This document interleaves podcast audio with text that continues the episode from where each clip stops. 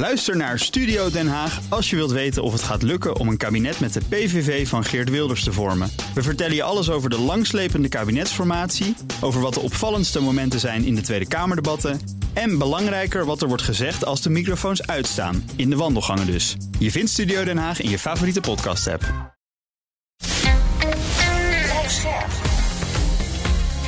BNR Nieuwsradio. Boekenstein en de Wijk. Paul van Liemt. Welkom bij Boekenstein en de Wijk. Het is woensdag, dag 672 van de oorlog in Oekraïne en dag 82 in Gaza. Hugo die geniet van een welverdiende vakantie, maar wel bij mij zijn natuurlijk Arend-Jan Boekenstein en Rob de Wijk. Dag heren.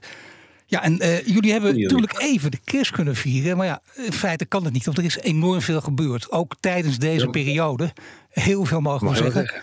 En daar gaan we ook inderdaad de tijd voor nemen. En zoals altijd natuurlijk uh, de grond en in de lucht. We beginnen met de grond. Ja, zeker. Uh, Malenka is uh, feitelijk ingenomen door, uh, door, door Rusland. Zat wel, zat wel aan te komen. Dan moet je even kijken wat er gebeurt op dit ogenblik in de Donetsk Oblast. Dat ligt zeg maar helemaal in het oosten van het front. Daar, heb je een, daar heb je de stad Donetsk. Dan heb je vervolgens uh, heb je daaronder Marinka. En daarboven ligt Avdivka. Daar hebben we het ook heel vaak over gehad. En Avdivka is vermoedelijk het volgende slachtoffer van, van Rusland. Um, ja, wat moet je daar nou van vinden? Kijk, het is een succes voor Rusland. Dat valt niet te ontkennen. Maar het is echt een tactisch succes. Want als je dus ook naar die kaart kijkt. dan kan je dus nauwelijks op de kaart zien wat er veroverd is. Het is natuurlijk echt een heel klein stadje. Uh, ja. Het heeft een psychologische impact vermoedelijk op het, uh, uh, op het Oekraïense leger. Maar dat wil nog niet zeggen dat hier weer dus, zeg maar, de weg helemaal open ligt naar de rest van de Donetsk Oblast. zodat je die hele Donbass kan veroveren. Want dat is natuurlijk het doel wat Poetin zich voor, over, voor ogen heeft gesteld. Ja, dus ja, nou ja, wat, wat je hiervan moet vinden. Ehm, ehm, in ieder geval heeft Zanusli, uh, dat is de, de, de bevelhebber van de Oekraïnse strijdkracht, die heeft gezegd van uh, ik ben niet van plan om zo ontzettend veel mensen uh, op te geven voor zo'n strijd die eigenlijk alleen maar een tactisch succes oplevert. Dus ik ga nu mijn mensen sparen. En wat je dus nu ziet aan het front is dat uh, Oekraïne zich aan het ingraven is, letterlijk net zoals wat de Russen doen. Ja. Uh, fortificatieversterkingen bouwt. Uh, om ervoor te zorgen dat Oekraïne ervoor kan zorgen dat, uh, dat die Russen daar niet doorheen kan. Dus uh, het, het, bevestigt eigenlijk alleen maar dat er een padstelling is. Ja, maar Russen die claimen dus succes. Dat, dat, dat is het niet. Het is een succesje hoog uit. De Oekraïne ja. zegt volgens mij toch ook, tenminste dat lees ik overal tussendoor. Dan moeten jullie maar even corrigeren als het niet zo is. Maar dat Oekraïne zegt nee, zelfs dat kleine plaatje hebben ze nog niet helemaal in beslag kunnen, kunnen nemen. Ja, weet je, het is voor mij semantiek. Ik bedoel, ik, uh, ja. het is sowieso een tactisch succes. Het gaat om een paar voetbalvelden uh, die de ja. Russen dan hebben uh, veroverd. Ik bedoel, jongens, dit moeten we niet overdrijven. En het zal dan ook wel, misschien heeft ook Oekraïne nog gelijk om de moed er een beetje in te houden. Maar uiteindelijk, weet je, het is hetzelfde verhaal als destijds bij Bakmoed. Kan je dat nog herinneren? Hè? In mei ja. viel die stad. ook ten koste van onwaarschijnlijke aantallen doden. Echt gewoon ja, barbarij ten top, nu ook. En dat gaat nu ook straks met Afdivka gebeuren. Dat helemaal niet zoveel verder uh, naar het uh, noordoosten ligt. Nou, jongens, uh, die, die, die, steden, die, die steden, stadjes moet je zeggen, die, die, die vallen. Maar daarmee, daarmee is er geen strategisch succes geboekt. Strategisch succes zou zijn geboekt als daarmee de weg open ligt naar de rest van de Donetsk Oblast en, en daarmee dus de Donbass. En dat is dus gewoon niet zo. Nee, het is gewoon uh, ja, een paar voetbalvelden, dat zegt eigenlijk ook bijna alles. En dan uh, ja, ja, natuurlijk ook uh, dat, dat Russische vlaggenschip in een zwarte zee, de situatie in de lucht met de, met de drones, hoe, wat ja. kunnen we daarvan zeggen? Nou, even, even bij gisteren beginnen, want het was toch wel een hele bijzondere dag. Ik heb het zitten bestuderen. En de, sommige experts zeggen dit is van grote afstand, is dus de Krim bestookt. Hè? Vermoedelijk dan met een ja. scalp of met een storm shadow. Ja. en, da en er was dus een groot, uh, een, een groot schip van de Russen.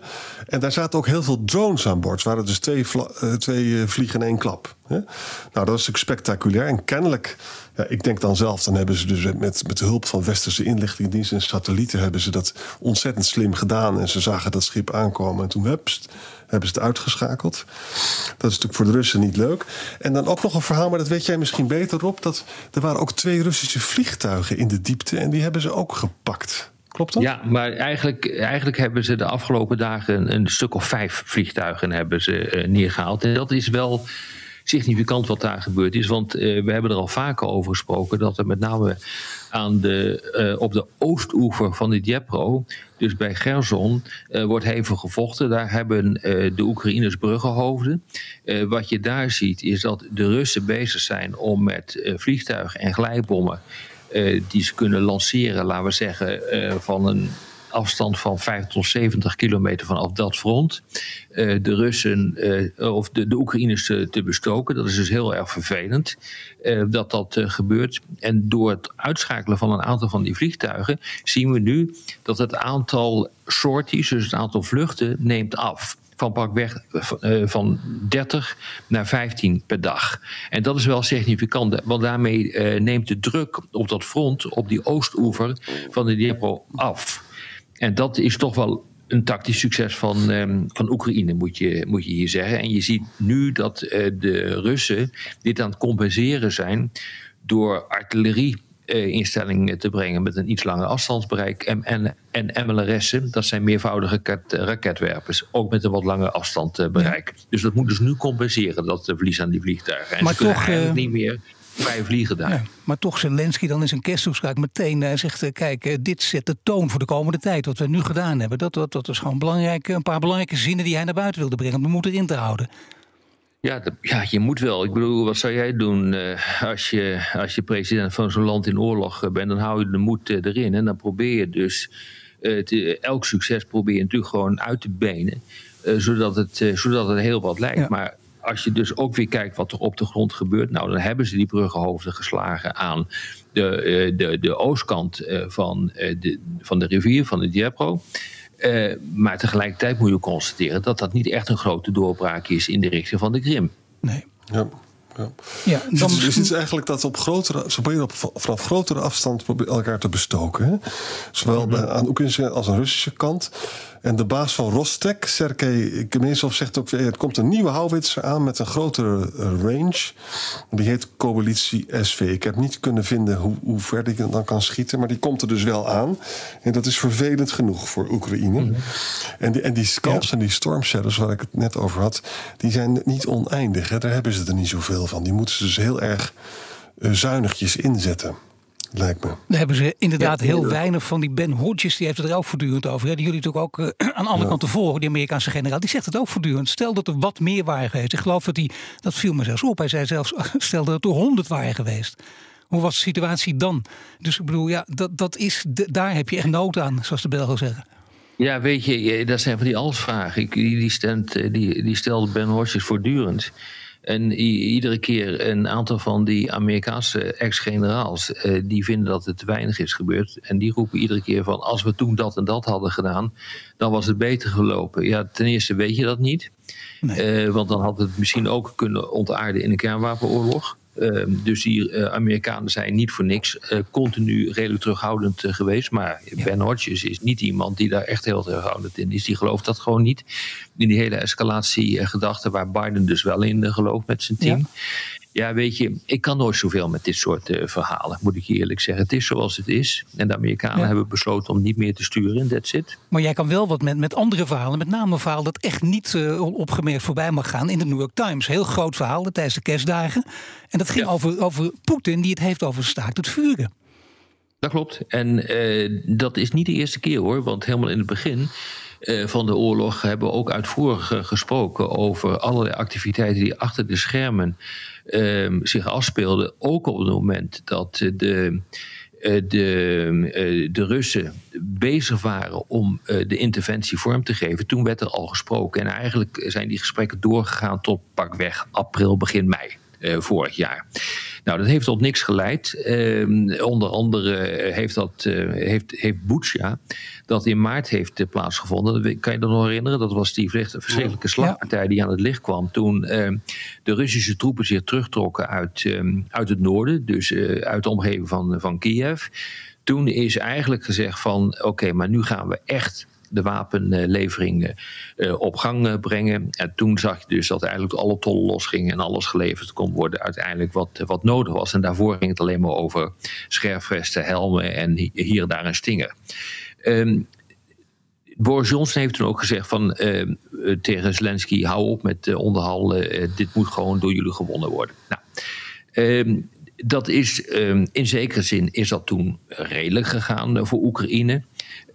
maar uiteindelijk is er toch weer sprake gekomen van een padstelling zo eind vorig jaar. Nou, dat zagen de Russen ook aankomen. En zo in september zijn, ze, zijn ze begonnen uh, en dan praten we over, um, nee, in de herfst van 22, dus inderdaad zo rond september, uh, zijn er al gezanten geweest van Rusland, van, van Poetin dus, naar Kiev en naar het westen, om eens af te tasten of er een vergelijk zou kunnen komen. Is niet gebeurd.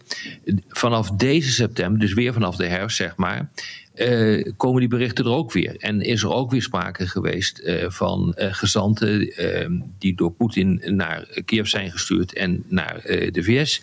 En nu komen continu die berichten binnen dat dat het geval is en dat er dus gesproken wordt, of afgetast wordt, moet je eigenlijk zeggen, of er een mogelijkheid zou kunnen zijn voor een staakt het vuur. Nou, tot nu toe heeft dat gewoon helemaal niks, niks opgeleverd. Uh, maar het is natuurlijk wel interessant dat dit gebeurt. En het is op zich ook niet verwonderlijk. Uh, want hoe vaak hebben we niet, uh, het niet gehad in deze podcast over de vraag wat nou een klassieke reden is om tot een staakt vuren te komen? Ja, nou, een klassieke reden is een padstelling. Ja. Ik bedoel, dat leidt eigenlijk in bijna alle gevallen uiteindelijk tot een vergelijk. Omdat iedereen ziet, ja, weet je, je kan nog wel honderdduizend man eraan opofferen, maar dat heeft ook geen zin. Ja, weet je, het is een heel lang stuk. Mensen moeten het maar lezen. Het is vier dagen geleden verschenen, 23 december. Um, Net voor de kerst. Ja, sinds september zijn ze dus met allemaal feelers bezig. Hè. En zelfs eh, als hij in Oezbekistan is en zo, in Kazachstan, dan wordt er ook nog over gesproken met allemaal mogelijke mensen. Nou, ik vraag me een aantal dingen af. Het eerste is dus dat, wat zouden de Russische bloggers daarvan vinden? Die vinden dat, het, dat er verkeerd wordt gevochten. Die willen eigenlijk die willen geen staakt vuur. Die willen denk ik nog veel meer en beter vechten. Hè? Dat lijkt me. Wat denk je daarvan, Rob? Ja, maar kijk, weet je, die bloggers die zijn ook niet gek. Uh, die uh, zijn continu uh, bezig met kritiek uit te oefenen, met name op het ministerie van, van Defensie, de generale staf ook. en zeggen van jullie doen het helemaal verkeerd. Nou, dan zie je dus dat er ook maatregelen worden genomen aan Russische zijde om het wel beter te laten verlopen. Maar iedereen ziet natuurlijk ook dat die, muur, dat die zaak gewoon muurvast zit daar op dit ogenblik. Ja, ehm uiteindelijk weet je, moet je gewoon je knopen tellen en moet je gewoon tot de conclusie komen dat dit zo niet kan. Uh, Javlinsky, dat is wel interessant, dat is een liberale Russische politicus. Die heeft um, eigenlijk heel, heel kort geleden, eind oktober volgens mij, heeft hij met Poetin gesproken. En toen is het ook over een uh, staakt het vuren uh, gegaan. Niet dat uh, Poetin toen heeft gezegd, nou weet je, we gaan de staakt het vuren afkondigen. natuurlijk niet, maar hij was wel onafhankelijk voor het idee. En uh, die schijnt uh, bestookt te hebben met uh, allemaal apocalyptische verhalen over de aantallen slachtoffers. die daar aan Russische zijde zijn gevallen. Nou, daar hoef je helemaal niet zo'n verhaal over op te hangen. Maar ja, die zijn nog gigantisch. Die aantallen echt gigantisch. Als je ook ziet wat Rusland uh, wil gaan mobiliseren de komende jaren. Hoe ze de krijgsmacht willen vergroten. Welke problemen ze hebben met de toekomstige economie. Omdat er zoveel verliezen zijn. Omdat er zoveel mensen het land uit zijn gegaan. Ja, ja dat, dat telt bij elkaar op. En kun je verwachten dat, dat er uiteindelijk wel een, een staakt het vuren komt. En ook wat ik net heb gezegd over Zaluzny. Die, uh, de hoogste militair die eh, nu bezig is om de defensie zo in te richten dat Rusland niet verder komt, maar dat je dus fortificaties gaat inrichten en dus eigenlijk gewoon de situatie zoals die nu is bevriest. Ja, ook dat duidt erop dat ze in uh, Oekraïne ook uh, inzien dat je zo niet heel door kan gaan. En je kunt, er wordt nu ook gesproken over nieuwe mobilisatiegolven van pakweg een half miljoen mensen. Nou, ja, jongens, daar kun je in zo'n land niet, niet mee doorgaan, want je houdt niemand meer over, bij wijze van spreken ook niet voor je toekomstige economie. Dus de effecten zijn gigantisch. Dus uiteindelijk moet je wat. Ja, dus het staat het vuur, de padstelling, dat lijkt logisch. Maar dan ook, dan voor de duidelijkheid wel, uh, met Poetin die de overwinning kan claimen. Ja, maar je kunt, weet je, weet je, je kunt altijd de overwinning claimen. We gaan het straks hebben over, uh, over Israël. Daar kan je hetzelfde doen. Op een gegeven moment ben je er zat van. Dan denk je, nou, hier kom ik niet verder. En dan kan Poetin gewoon zeggen van... oké, ik stop. Uh, En ik claim hierbij de overwinning, want ik heb 20% van, uh, Oekraïne nu in mijn bezit en that's it. En dat is interessant wat er nu gebeurt, want ze zijn dus met, met troepen zijn ze nu bezig om consolidatieoperaties uit te voeren in, in het bezette gebied. De Nationale Garde gaat daar naartoe. Ik, volgens mij zijn er inmiddels al 35.000 man ongeveer die daar uh, zitten. Ja, die hebben maar één taak en dat is dat gebied eigenlijk consolideren. Dat het gewoon continu nu uh, ja, tot in de eeuwigheid bij Rusland wordt uh, getrokken. En dat zijn eigenlijk territoriale eenheden om de binnenlandse veiligheid te garanderen. Dus je ziet al dat die Russen bezig zijn met te, te consolideren op dit gebied. Wat ik interessant vind, wordt ook over timing gesproken. Weet je, we kennen allemaal de theorie van uh, uh, Poetin hoopt dat uh, Trump dus terugkomt in november. Maar in dit stuk wordt ook gesuggereerd van nee, het zou mooi zijn als er bespreking of een staakt het vuren zou zijn voor de presidentsverkiezingen in maart al. Want dat zou, zou, dat zou toch heel goed zijn. En wat er ook in staat, ik vind het zo'n interessant stuk, dat Zelensky mag gewoon blijven zitten. Uh, want het is duidelijk dat ze. En, en, wat er ook in staat is, maar dan mag natuurlijk Oekraïne geen lid van de NAVO worden. Dat is natuurlijk een cruciaal uh, punt. Ja. Tuurlijk, maar daar zal het dan over gaan. Ik bedoel, de grote vraag is. Nou, wat er ook nog in staat trouwens, is dat ze erg bang zijn dat Biden mee gaat onderhandelen. En ja. daarvan heeft, hebben de Amerikanen al gezegd dat gaan we niet doen. Kijk, als je maar dat is speculatie. Als je dus nu ziet wat de Russen aan het doen zijn. we hebben het net gehad over Marinka. die is ingenomen. Avdivka, dat wordt vermoedelijk het volgende slachtoffer. Ja. dat, symbolisch is dat van grote betekenis. Niet strategisch, omdat je er niet veel verder mee komt, maar symbolisch wel. En als je dat voor elkaar weet te krijgen, Avdivka voor de presidentsverkiezingen, dan kun je ook zeggen: van, moet je eens kijken wat we nu hebben gewonnen de afgelopen tijd. We hebben Bakmoed, we hebben Avdivka gewonnen, we, we hebben. Uh, uh, daarvoor hebben we Marinka gewonnen. En nu wordt het tijd om, ons, om onze winst te gaan verzilveren. Ik, ik verklaar de overwinning en klaar. Ik, en dan is iedereen zo blij dat, dat de oorlog stopt. Dat niemand zich meer afvraagt of dat ja. Of, die, of die overwinning die geclaimd is, of dat nou gelul is of niet. Ja. Ja, kan. Maar dit zou dus over een paar gaat, maanden al kunnen gebeuren. Dat, dat, is, dat is gewoon behoorlijk reëel. Dus ook op basis van dit stuk. En dit, dit is een behoorlijk gedegen stuk, als ik jullie goed begrijp. Ja, dat, ja, maar, maar, weet je, een jaar geleden zeiden we ook: ja. er is een padstelling. Uh, dus dit is wel een situatie waarin je zou kunnen verwachten dat er een staakt het vuur zou komen. Wat we toen nog niet wisten, was inderdaad toen wij daarover aan het filosoferen waren, op de, in het geheim die gezanten, uh, die verkenners, om het maar even op zijn Nederlands te zeggen, uh, naar het Westen en naar Kiev afreisden om daadwerkelijk daarover te praten. He, dus uh, in die zin was de analyse goed. Alleen wij wisten dus niet wat er op, in het geheim op de achtergrond te gebeurde. En dat onderbouwt ja. nu met terugwerkende kracht die analyse. Ja, ik vind het allemaal erg, erg boeiend. Zeg man, voordat wij naar, naar Israël gaan, er liggen nog een paar losse snippers die, die we kunnen doornemen over Rusland. Mag ik de grootste eruit pikken? Over Rusland en Oekraïne, maar even de grootste eruit pikken. Die gaat namelijk ja. tussen de, de strijd, tot onze gesuggereerde strijd, tussen president Zelensky en de opperbevelhebber Zaluzhny. Het gaat dan over dat, uh, dat Oekraïnse leger. Zelensky die zou om een half miljoen extra soldaten hebben gevraagd. Dat zei hij althans, dat het Russische leger dat zou hebben gedaan. En dat betekent dat de verhoudingen niet goed liggen, dat er wat aan de hand is. Wat is er nu van waar van dat verhaal? Of is gewoon uh, kletsika? Nou, weet je, ik, het wordt een beetje opgeklopt door journalisten de afgelopen dagen.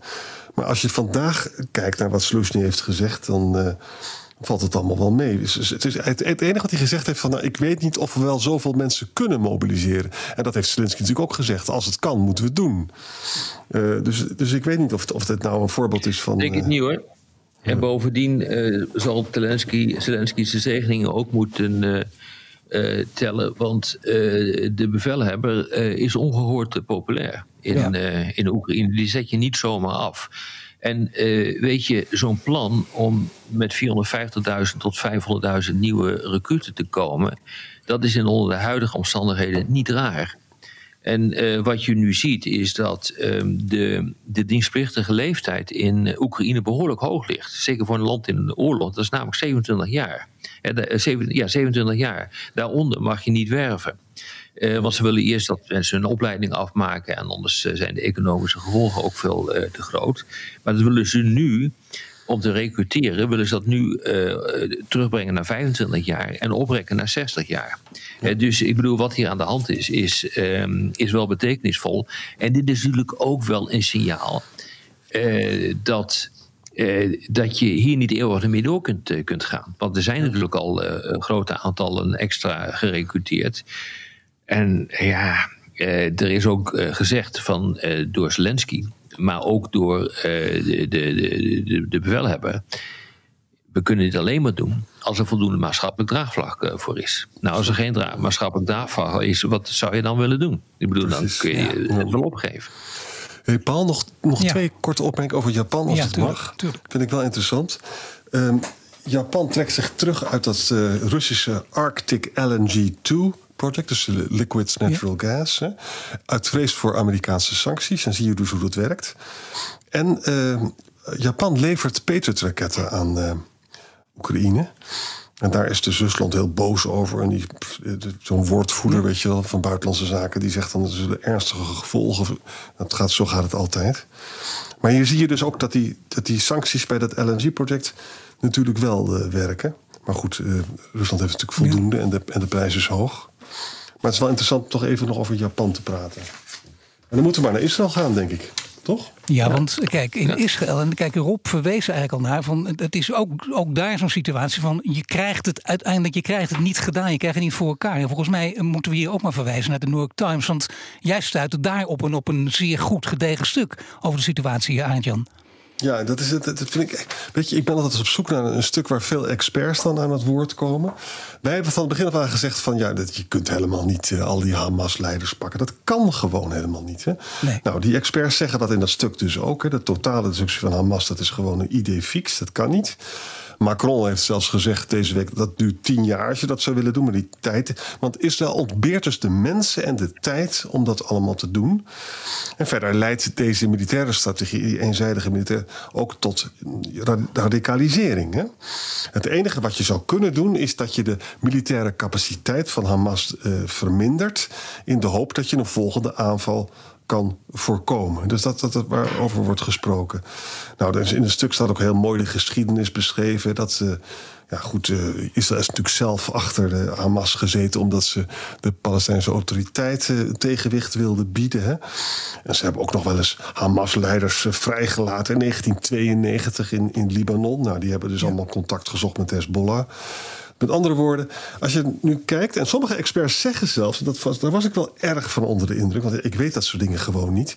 Nou. Sommige experts zeggen van de meeste tunnels zijn gewoon intact. Ja, die infrastructuur uh, is intact.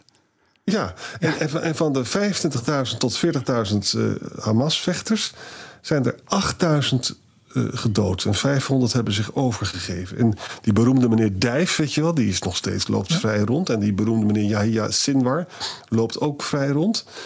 Dus ik, je kan nou niet zeggen dat het nou een geweldig succes is waar met Netanyahu mee bezig is. Nee, en het interessante is eigenlijk, Jan, dat uh, als je dus de Wall Street Journal leest, daar had uh, Netanyahu een uh, ingezonden stuk in. Daar heeft hij ook nog maar weer eens een keer, net zoals Poetin interessant genoemd, niet in de Wall Street Journal, maar die heeft ook onlangs weer zijn doelstellingen geformuleerd. Hamas die moet geëlimineerd worden, zegt Netanyahu. De Gazastrook moet, moet worden gedemilitariseerd. En de Palestijnse bevolking moet worden gederadicaliseerd. Het, het, het lijkt eh, eh, valt je dat op? Het lijkt heel sterk op de eisen van Poetin. Ja. Poetin die wil ook demilitarisering. Eliminatie heet bij hem denazificatie. En deradicalisering heet bij hem neutraliteit. Maar het is precies hetzelfde. En Poetin krijgt het niet voor elkaar. Uh, maar uh, dat krijgt uh, Netanyahu dus ook niet voor elkaar. En ik, ik ben ervan overtuigd dat het onmogelijk is op dit ogenblik... om met de bommen die je hebt uh, de tunnels uh, daadwerkelijk uh, volledig te vernietigen. Men probeert zout water erin te spuiten om ze onder water te zetten. Dus dat komt uit zee. daarvan is direct gezegd van het, we weten niet of dit lukt. Maar 500 kilometer tunnel, dat is het bijna, iets van 480 of zo. Ja, weet je, dat, is, dat, dat, dat kun je ook niet eh, niet snel uitschakelen. En we weten ook dat je ongelooflijk lang moet bombarderen om een stad helemaal kapot te, maken. Nou, dan begint het Gaza-stad begint het aardig. Eh, dus in het noorden begint het begint dat er aardig op te lijken. En nu zie je dat die, die strijd naar het zuiden gaat, dus naar centraal, de centrale Gazastrip. Um, en daarvoor was er al sprake van operaties wat verder naar het zuiden. Dus nou, daar hebben we de afgelopen tijd hebben we daar uitvoerig over gesproken. Hoeven we nou niet te doen, denk ik. Ehm, maar de, de, de Israëliërs hebben nog wel een klus te klaar hoor. Wil je dit uh, gaan doen? dan, dit kan inderdaad, met dit tempo kan het nog maanden duren voordat je echt gewoon gaat, Gaza gedemilitariseerd hebt en Hamas hebt uitgeschakeld. En dan nog lukt het niet, omdat een deel van de politieke leiding gewoon in Qatar zit. En die tijd heeft Netanyahu helemaal niet meer. Hè? Want nee. Jack Sullivan zegt voor de honderdste keer van we willen nu gaan praten. Hij praat nu met die Ron Dermer, die eh, Israëlische minister voor strategische zaken. Van ik wil nu focussen op de transitie naar een nieuw beleid waar je veel selectiever militaire targets uitkiest. En je je richt op de high value Hamas-leiders en zo. Hè? Maar, en, en, en, hier is de New York Times ook echt, echt heel goed. Die legt dus uit hè, vandaag dat zowel de Mossad als Shin Bet als IDF... die willen ook praten over die postoorlogssituatie. Die zitten ook te praten over een, een andere strategie. Hè? Maar dat kan. Maar, maar dan, dan deed dan jou weigert daarover te praten. En dan wordt er gesuggereerd in dat stuk. Ja, ja ook, ook weer niet. Ook weer niet. Ik, het is ook hier vergelijkbaar met Poetin. Dus uh, aan de ene kant roept Poetin allemaal uh, dingen die uh, de, de, doelstellingen maximaal onderbouwen. En hij weet van geen wijken, weet van geen wijken. dat doet Netanyahu ook. Maar tegelijkertijd op dit ogenblik wordt er gewoon achter de schermen ook gesproken, ook met Israël. En dat weet, uh, weet jou ook wel. Ook zeker naar aanleiding van die vorige resolutie die in de Veiligheidsraad vorige week is aangenomen, waarin wordt opgeroepen tot een betekenisvolle humanitaire pauze. Zeker. Ja, daar wordt over gesproken. Vervolgens zie je ook dat Egypte voorstellen heeft gedaan. Dat is ook nog maar een paar dagen geleden dat die voorstellen door Hamas zijn verworpen. Op 25 december is dat geweest. Maar, maar Rob, er is een verschil tussen Netanyahu en Poetin. En dat is een heel belangrijk mhm. verschil. Namelijk, Netanyahu zit echt ongelooflijk uh, tussen de Skilla en Charybdis.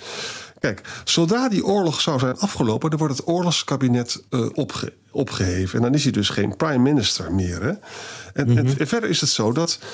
Ja, uh, elke oplossing van de Gazastrook, bijvoorbeeld een return van de Palestijnse autoriteiten naartoe, dat blaast die extreemrechtse coalitie van hiervoor op. Dus die jongen zit gewoon klem aan alle kanten.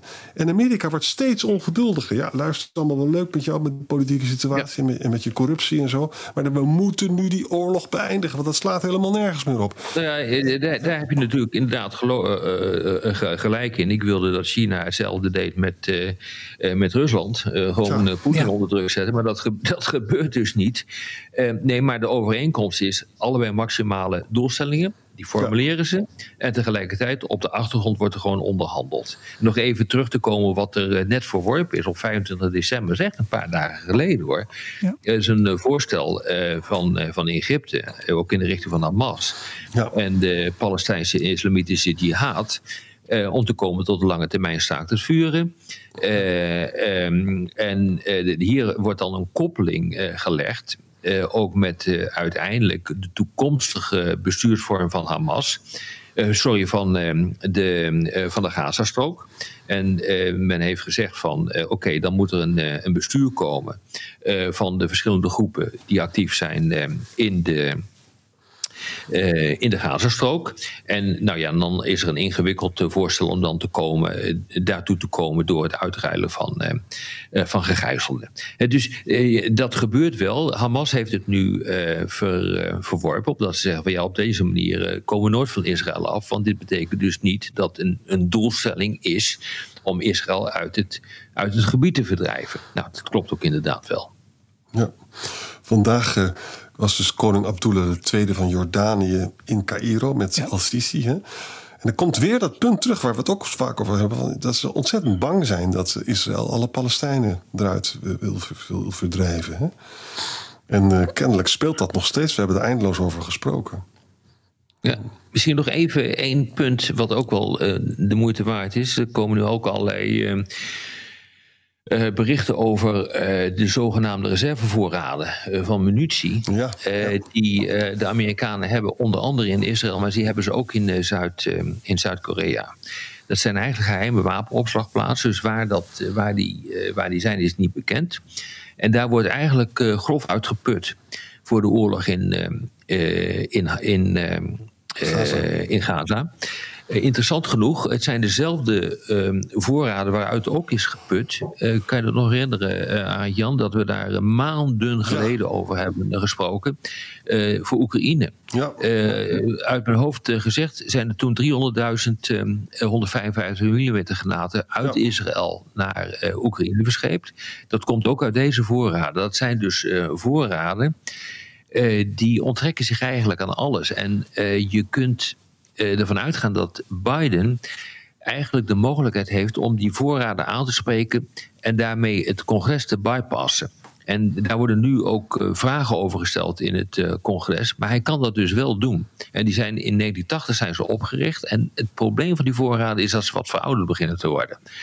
Dus er zitten vooral domme bommen in. En als je kijkt wat er op eh, Gaza wordt, nu wordt gegooid, dan is dat iets minder dan de helft ook domme bommen. Ja. En die komen vermoedelijk ook uit die voorraden. Maar ja, de critici zeggen van ja, dit zijn, eh, dit zijn wapens die gewoon niet meer voldoen aan de eisen van de huidige tijd. En dat geldt ook voor de 155 mm granaten die erin zitten, want die leveren te veel collaterale schade op. En dat betekent dat de linkerflank van de Democratische Partij, die pikt dat niet meer. Hè? Dus dat is allemaal hartstikke spannend. inderdaad. Ja. Dan zijn we alleen nog één ding vergeten, namelijk, eh, dat hoort er nogal bij, denk ik, Nederland. Eh, De nieuwe positie van, eh, van Sigrid Kaag. Hoe kijken jullie daar tegenaan? Ja. Nou, ik vind het eerlijk gezegd, eh, ik, ik- de reacties op Twitter waren, zoals te voorspellen, walgelijk. Beneden echt elke pijl werkelijk. Hè? Nou, we, hebben hier gewoon te maken met een hele begaafde vrouw met een geweldige internationale carrière. Ze heeft in Syrië groots werk verricht met die. eh, ze kent het door en door. Eh, ik, vind het, eh, zou het, ik zou het een felicitatie waard vinden als Sigrid Kaag die, die belangrijke taak. Dat is de ene kant. De andere kant, ze komt in een onvoorstelbaar wespennest terecht. Mijn hemel zeg. Dat kan nooit groter zijn dan Nederland, eh Arend Jan. Ik bedoel, als je, als je godverdorie ziet hoe, hoe deze vrouw eh, bejegend is in dit land... Dan Verschrikkelijk. vraag, dan vraag ik me werkelijk nog af wie met enige kwaliteit nog minister wil worden in dit, eh, in dit land. Ik bedoel, ik, eh, als ik zie wat, wat haar is overkomen, dat, dat doet er helemaal niet toe of je nou wel of niet van haar partij bent. Dat, dat maakt niet uit. Maar gewoon vanuit medemenselijkheid. En hoe je iemand met, met kwaliteiten die, die ze ongetwijfeld heeft, en bewezen kwaliteiten, wat je net ook al heeft gezegd, hoe die vermangeld is in, eh, in Nederland. Vreselijk. Ja, Vreselijk. weet je, ik, ik, ik, je, je schaamt je de ogen uit je kop eh, als, je dit, eh, als je dit ziet. En ik kan me heel goed voorstellen dat zo'n ehm, eh, zo iemand zegt van bekijk het maar Nederland, ik ga dit land weer uit. Ja. Haar kinderen En hebben dat moet echt te denken geven. Dat moet echt te denken geven, vind ik. Ik bedoel, dit kun je niet zonder meer laten passeren. Je merkt dat ik hier ook redelijk geïrriteerd over ben wat hier gebeurd is. Maar je noemde Twitter. Dat is natuurlijk gewoon een, een, een, open Riool. riool. Ja. En, dat, en, dat, ehm, en wat, wat er nu. Ja, je jaagt daarmee dus gewoon letterlijk mensen het land uit. Die dus een grote waarde kunnen hebben voor Nederland. Omdat het een van de weinige mensen is die, die begrijpt hoe buitenlands beleid eh, werkt. En ook eh, en die, die verstand heeft van diplomatie. En die verstand heeft Ja. om te praten met Ja. allemaal lastige partijen in het Midden-Oosten. Ja, Arend Jan, kinderen een land krijgt de leiders die het verdient. Ja, een land krijgt de leiders die het eh, verdient en daar hoort Kaag eh, dus niet bij. Ja, Die is dat ook te goed heel voor. erg. En zelfs eh, Paul Cliteur had een belachelijke tweet over haar. Hey. Die- man is zo zei ze? Wat zei afgezakt. hij? Zei iets van, ja, ze is heen gezonden door het volk en zo, weet je wel. Hij had kennelijk niet eens gelezen dat ze zelf die baan eh, heeft gekregen. Nou ja, dat, daar heeft hij natuurlijk wel gelijk in. Want dat is eigenlijk wat ik ook zei. Ik bedoel, eh, zij is weggepest. ja, En eh, dat geeft echt te denken voor een land als Nederland. Ja. Maar ik had het gevoel op Cliteur dat wel... Of je het wel of niet eens bent met haar, eh, met haar politieke eh, standpunten, met haar partij, dat doet er gewoon niet toe. Maar dat je dus dit soort dingen doet met een, met een leider eh, die internationaal een grote faam heeft. Ik bedoel, ja. Nou, hartelijk gefeliciteerd met, eh, met de Nederlandse leiders, eh, zou ik dan zo zeggen. Ja, nou goed, heren, dat, eh, laat ik zeggen, zullen we het hierbij houden. Dit is een duidelijk slotakkoord. Hè? Dank Ja. voor nu. En tot morgen. Tot morgen. Tot morgen. Ook Hugo Reitsma vind je in de BNR-app. Superhandig die BNR-app. Je kunt alle programma's live luisteren, breaking nieuwsmeldingen. Je blijft op de hoogte van het laatste zakelijke nieuws. En je vindt er alle BNR-podcasts, waaronder natuurlijk de belangrijkste, Boekenstein en de Wijk. Download nu de gratis BNR-app en blijf scherp.